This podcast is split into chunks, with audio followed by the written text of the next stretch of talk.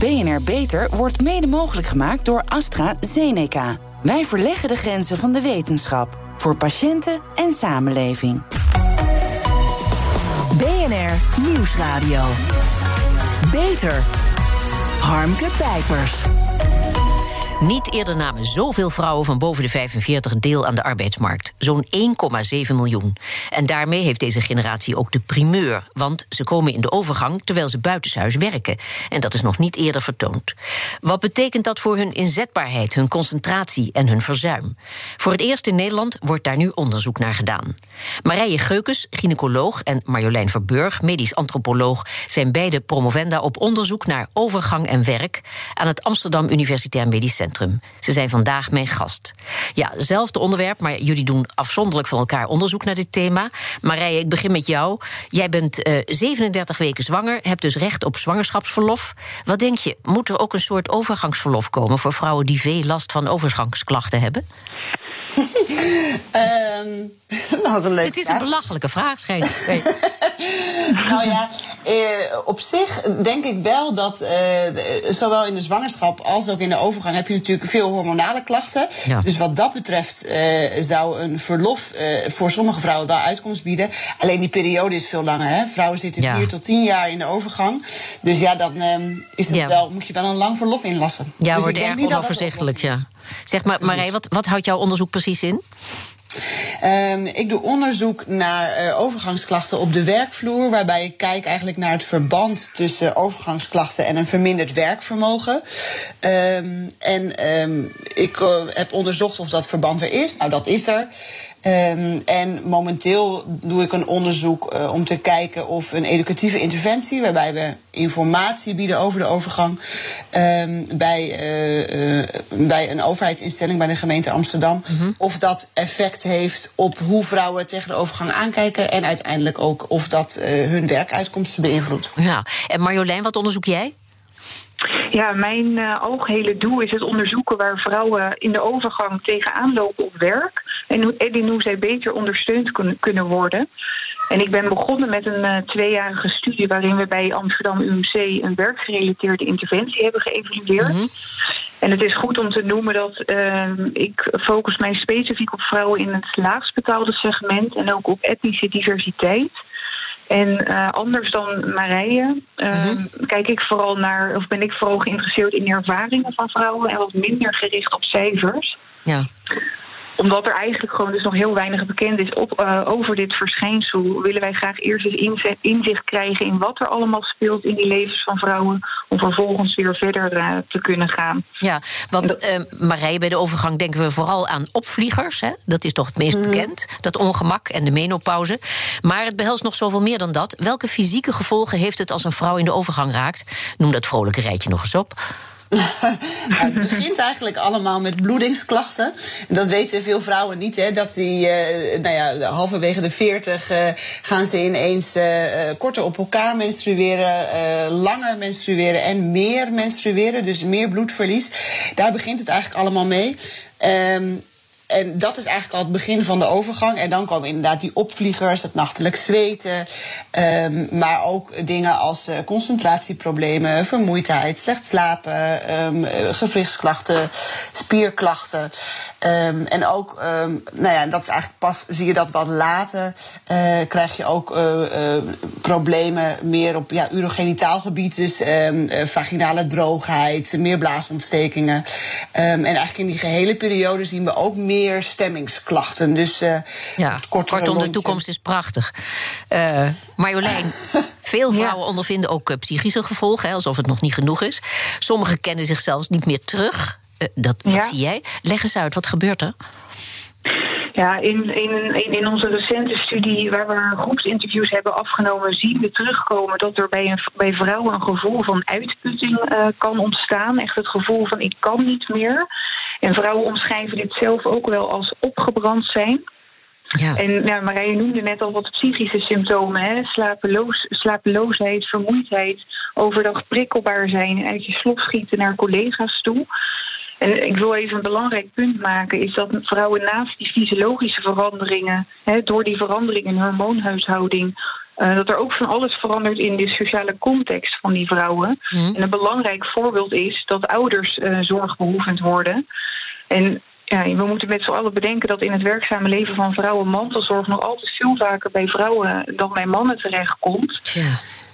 En ook denk ik belangrijk om te noemen dat, hè, dat aan de ene kant heb je die participatiesamenleving. 33% van de 55-plus vrouwen verleent mantelzorg.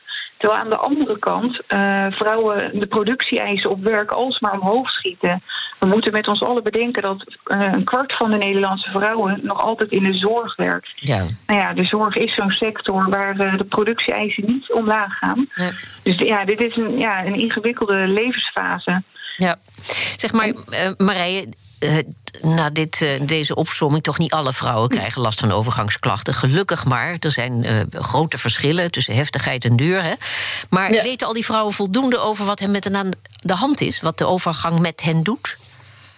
Nou, ik denk zeker niet alle vrouwen. Dat is ook waarom wij dus nu zo'n uh, zo'n educatieve interventie uh, uh, plegen.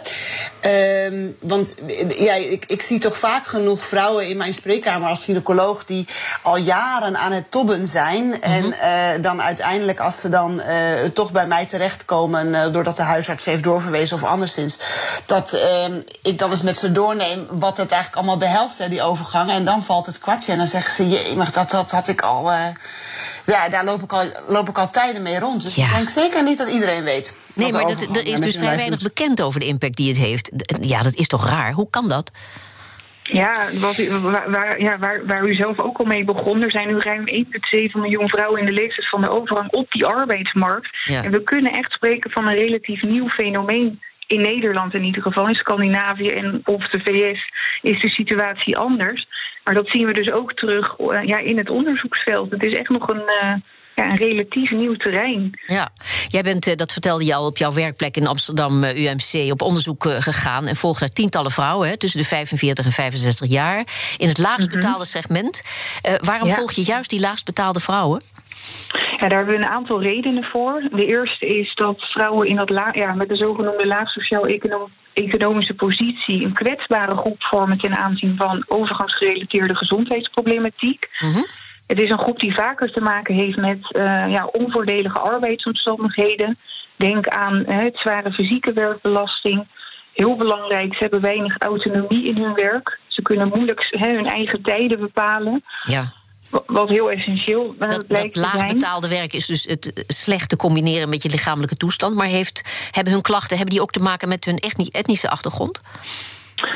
Uh, nou, daar, daar is eigenlijk nog geen, uh, daar, daar is nog geen bewijs voor. Hm. Uh, we, we, zouden wel kunnen zeggen dat, uh, dat er een relatie is met hun migratieachtergrond. Ja. Het feit dat ze een migratiegeschiedenis hebben, bepaal, is bepalend voor hun huidige positie op de arbeidsmarkt.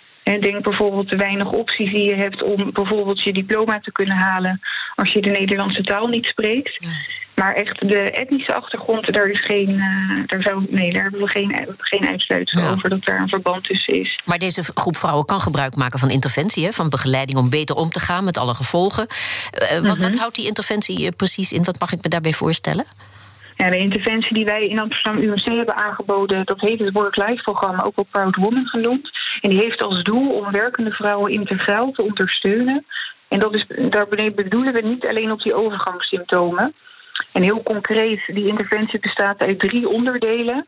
Ten eerste um, uh, coaching op, om echt die werk-privébalans te optimaliseren. Dus ook om op andere aspecten in te gaan uh, dan alleen de overgang. De belasting thuis, maar ook hoe gaat het op werk. Daarnaast hebben we fysieke training aangeboden. En als laatste onderdeel uh, het bezoek aan een uh, menopauseconsulent of een overgangsconsulent. Die weer echt wat meer gaat op, uh, ingaat op het fysiologische proces en op leefstijl, gezondheid. Ja. Dus een pakket uit drie onderdelen. Het Ja. staat uit drie onderdelen. Je hebt de afgelopen jaren, Marije, meerdere studies over werk en overgang gepubliceerd. Wat kun je feitelijk zeggen over de gevolgen van overgang voor het werk?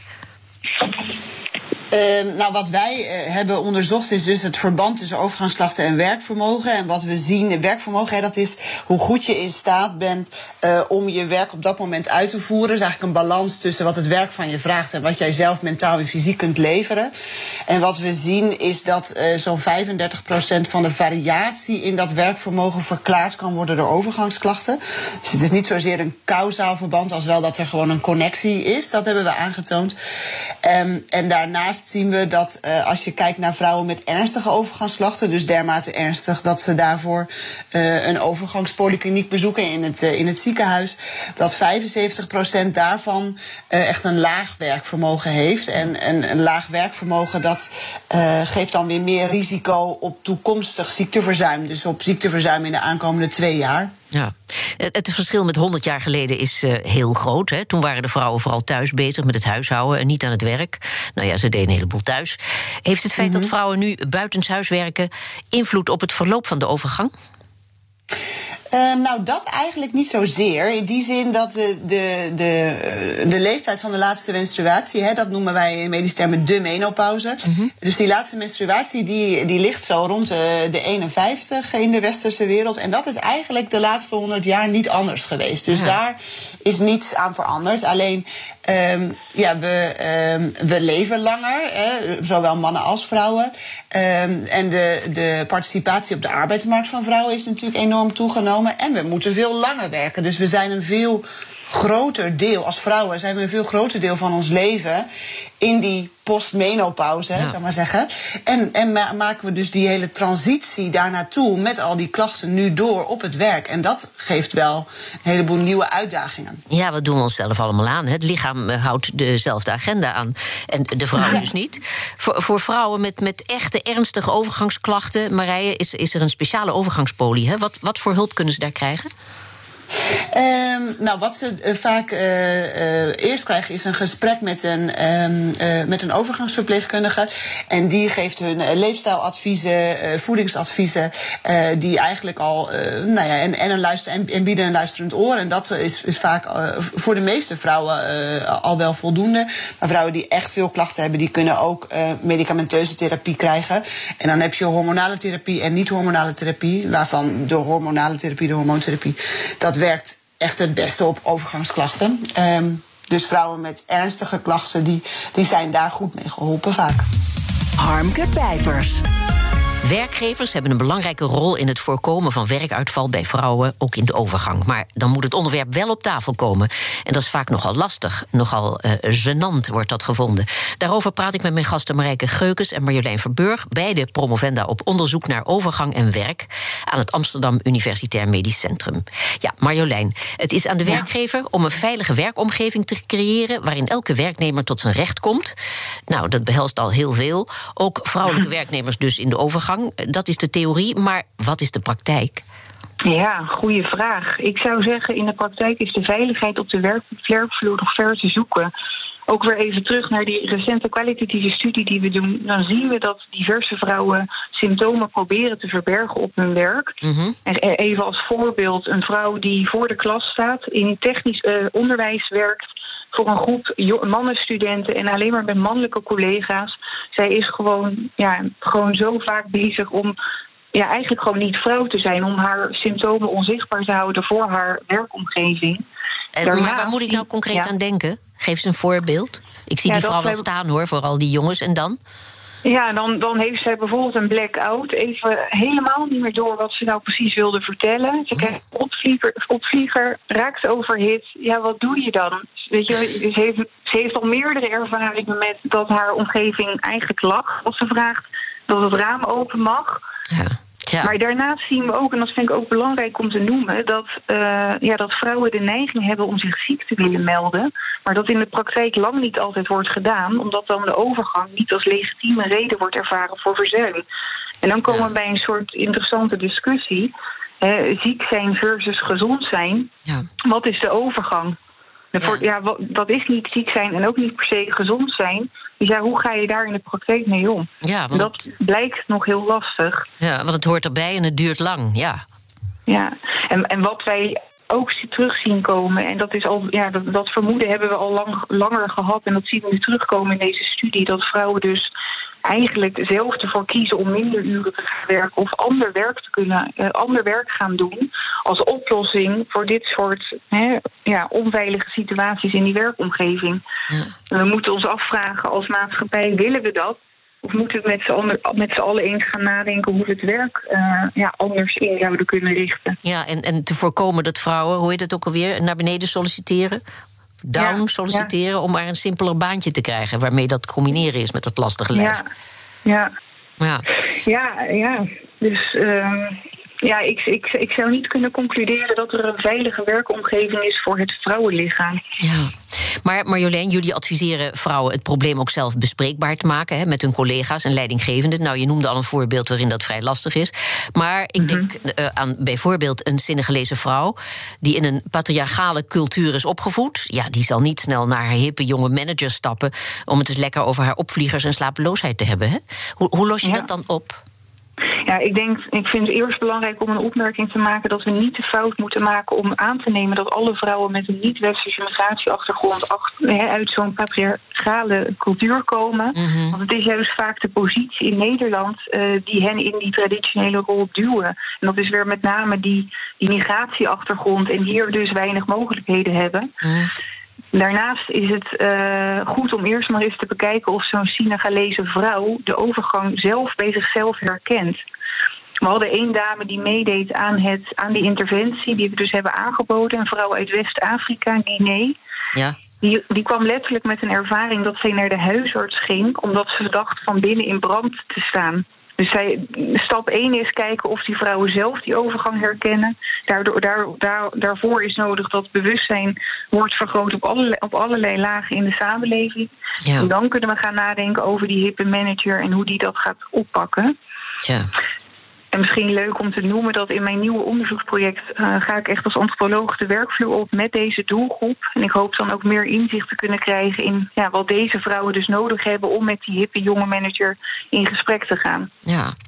Maar het, het, feit dat jij dus kennelijk in die omgeving de gelegenheid hebt om dat onderzoek te doen, betekent dat al een kleine verandering in de mentaliteit? Uh, hoe, hoe, bedoelt u dat precies? Nou ja, het feit dat je dat onderzoek doet, bedoel, dat zal dus de werkgevers ook niet ontgaan. Het is een onderwerp kennelijk en dat is het voor velen nog niet. Verandert er daardoor wat concreet? Uh, dat wil ik nu nog niet zeggen, maar het, het, is wel grappig om te noemen dat het, dat het feit dat ik dit, dit onderzoek op die afdeling mag doen, dat is door een man geïnitieerd. Dus ah ja. er is denk ik wel wat beweging. Ja, wat beweging. Hij wou van, van het glazen af, misschien. Maar goed. Eh, maar Marije, wat zijn behalve begrip... wat zijn concrete aanpassingen om het voor vrouwen in de overgang makkelijker te maken? Nou, er zijn wel aanbevelingen geformuleerd hè, vanuit de European Menopause and Andropause Society. Dat is een Europese uh, nou ja, genootschap die uh, zich hiermee bezighoudt. En um, dat is eigenlijk op basis van onderzoek, met name vanuit Engeland. Daar um, doen ze ook veel interviews. En daar is vrouwen gevraagd van, goh, wat willen jullie nu eigenlijk hè, op het werk? Wat zou nou uh, dat makkelijker maken? En dan gaat het eigenlijk om hele Um, um, nou ja, makkelijke aanpassingen, zoals uh, meer flexibiliteit in werktijden. Dus mhm. zelf uh, kunnen organiseren hoe laat je gaat beginnen als je een slechte nacht hebt gehad. Uh, de mogelijkheid um, om zelf de temperatuur op de werkplek te regelen. Dus niet die vreselijke kantoortuinen. voldoende of, of gemakkelijk toegang tot sanitair om je even op te frissen naar zo'n opvlieger. toegang tot koud drinkwater. Dat wordt eigenlijk door de vrouwen zelf genoemd als um, aanpassingen die zij graag zouden zien. Of dat daadwerkelijk iets op het werkvermogen of de productiviteit doet, dat is nooit onderzocht. Maar dat is in ieder geval wel wat vrouwen zelf aangeven. Nou, Marij, jullie doen afzonderlijk van elkaar onderzoek, hè? maar jullie verhalen horende lijkt het me heel interessant en wellicht ook nuttig om de koppen bij elkaar te steken. Uh, jullie hebben plannen wat dat betreft? Nou, voor, vooralsnog uh, niet. Eigenlijk uh, kennen Marjolein en ik elkaar uh, persoonlijk ook pas sinds begin okay. dit jaar. Ja. Ehm, en nou ja, vinden we het inderdaad zeker heel interessant, de onderzoeken die we doen. En ik denk dat ze heel mooi bij elkaar aansluiten. Hè. Zoals Marjolein al zei, ik kijk met name meer naar de cijfers. En zij gaat eigenlijk meer de diepte in en doet meer de interviews met, de, met de vrouwen in deze doelgroep. En um, ja, op, op dit moment hebben we onze eigen projecten, maar wellicht in de toekomst. Het is denk ik zeker iets wat je, um, ja, wat je ook als je dingen wilt veranderen, ehm, moet je beide soorten onderzoek meenemen om ehm, uiteindelijk tot, een, tot het gewenste resultaat te komen. Dus wellicht voor de toekomst. Zo is dat en wellicht spreken we elkaar dan weer. Hartelijk dank, Marije Geukes en Marjolein Verburg. Ja, en wil je meer informatie over deze onderzoeken? Kijk dan op onze site www.bnr.nl/slash beter. Zorgvernieuwers. Er zijn volop ontwikkelingen in de zorg. Nieuwe medicijnen, technieken en behandelmethoden maken het leven van de patiënt beter en het werk van de specialist makkelijker. Wat zijn de laatste innovaties? Patiënten met maculadegeneratie, dat is de veroudering van het netvlies, kunnen nu ook via een app de vordering van de ziekte bijhouden. De app is ontwikkeld door het Canisius Wilhelmina ziekenhuis in Nijmegen, waar zo'n 1500 patiënten met maculadegeneratie worden behandeld. Ik praat met Esther de P., verpleegkundige en doktersassistent bij de oogkliniek van het CWZ. Ja, Esther, wat is maculadegeneratie precies? Ja, het is zoals je eigenlijk zelf al zegt een, veroudering van het netvlies. Maar dan gaat het met name om dat de macula, dat wordt in de volksmond ook wel de gele vlek genoemd, mhm. eh, dat is waar we details mee zien, daar, uh, die gaat achteruit. Ja, en, en hoe wordt maculadegeneratie normaliter behandeld? Uh, nou, het, het, hangt er vanaf welke vorm. Er zijn namelijk twee vormen. Je hebt de natte maculadegeneratie en de droge maculadegeneratie. En aan de ziekte zelf kunnen we niks doen, maar wel uh, de symptomen. En dat is bij de natte maculadegeneratie kunnen we daarvoor injecties geven. Maar de droge maculadegeneratie kunnen we helaas nog niks aan doen. Ja, maar nu is er dus een app waarmee patiënten thuis hun ogen kunnen meten. Vertel, hoe werkt dat en, en hoe wordt het zicht precies getest en wie kijkt er dan mee? Uh, je wordt in ieder geval aangemeld via het ziekenhuis. Dus je kan dat niet zelf op je telefoon doen. Uh, dus je wordt aangemeld zeg maar, via het ziekenhuis. En dan word je één keer per maand wordt er gevraagd om een oogtest te doen. Dat is een leestest. Mm -hmm. En dat is puur inderdaad uh, kijken van hè, welke zinnen kan je nog lezen. En er wordt ook gevraagd om de Amsler-test te doen. En een Amsler-test dat is specifiek iets wat gebruikt wordt bij makelaardegeneratie. Uh, ook bijvoorbeeld door huisartsen. En dan moet je naar een raster kijken en naar ja. een puntje. En dan gaat het erom of je dan krommingen ziet. Ah, ja. En vervolgens vul je dat dan in. En eigenlijk gaat het erom, als er een achteruitgang is ten opzichte van de vorige test, dan krijgen we een alert binnen. Dat krijg ik binnen op een, uh, op een zorgportaal. En vervolgens daarop nemen wij dan actie. Ja, en, en als er nou reden is om aan de bel te trekken, dus uh, dat alert-portaal, uh, dat doet zijn werk. Wat, hoe gaat het dan verder? Uh, die, uh, ik zie dat dan. En vervolgens, uh, we zijn met nog twee andere collega's verpleegkundigen die dat in de gaten houden. En dan nemen wij contact op met de patiënt. Dan gaan we nog wat verder de klachten uitvragen. Ja. En uh, dan zal uh, het wel zo zijn dat de patiënt naar de poli moet komen. Want wij zullen toch uh, de patiënt op de, wel op de poli moeten zien om bijvoorbeeld een oogscan te maken. Ja, en is het alleen voor patiënten die in het CWZ onder behandeling zijn? Of kunnen ook andere oogpatiënten uit andere regio's hier gebruik van maken? Of is dat nog toekomst? Nee, tot nu toe is het alleen, deze is echt nou alleen ontwikkeld voor het CWZ of in gebruik genomen. Oké, okay, hartelijk dank, Esther de P. Wilt u meer informatie over deze, over deze app? Wilt u meer informatie over deze app? Kijk dan op onze site www.bnr.nl/slash beter. Tot zover deze uitzending van BNR Beter. Op bnr.nl/slash beter is deze uitzending terug te luisteren of on demand via de BNR-app en Spotify. We zijn ook op Twitter te vinden onder BNR Beter, dus heeft u tips voor ons? Laat het ons weten. Ik ben Harmke Pijpers. Ik blijf voorlopig toch nog even binnen. Graag tot een volgend spreekuur. BNR Beter wordt mede mogelijk gemaakt door AstraZeneca. Wij verleggen de grenzen van de wetenschap voor patiënten en samenleving.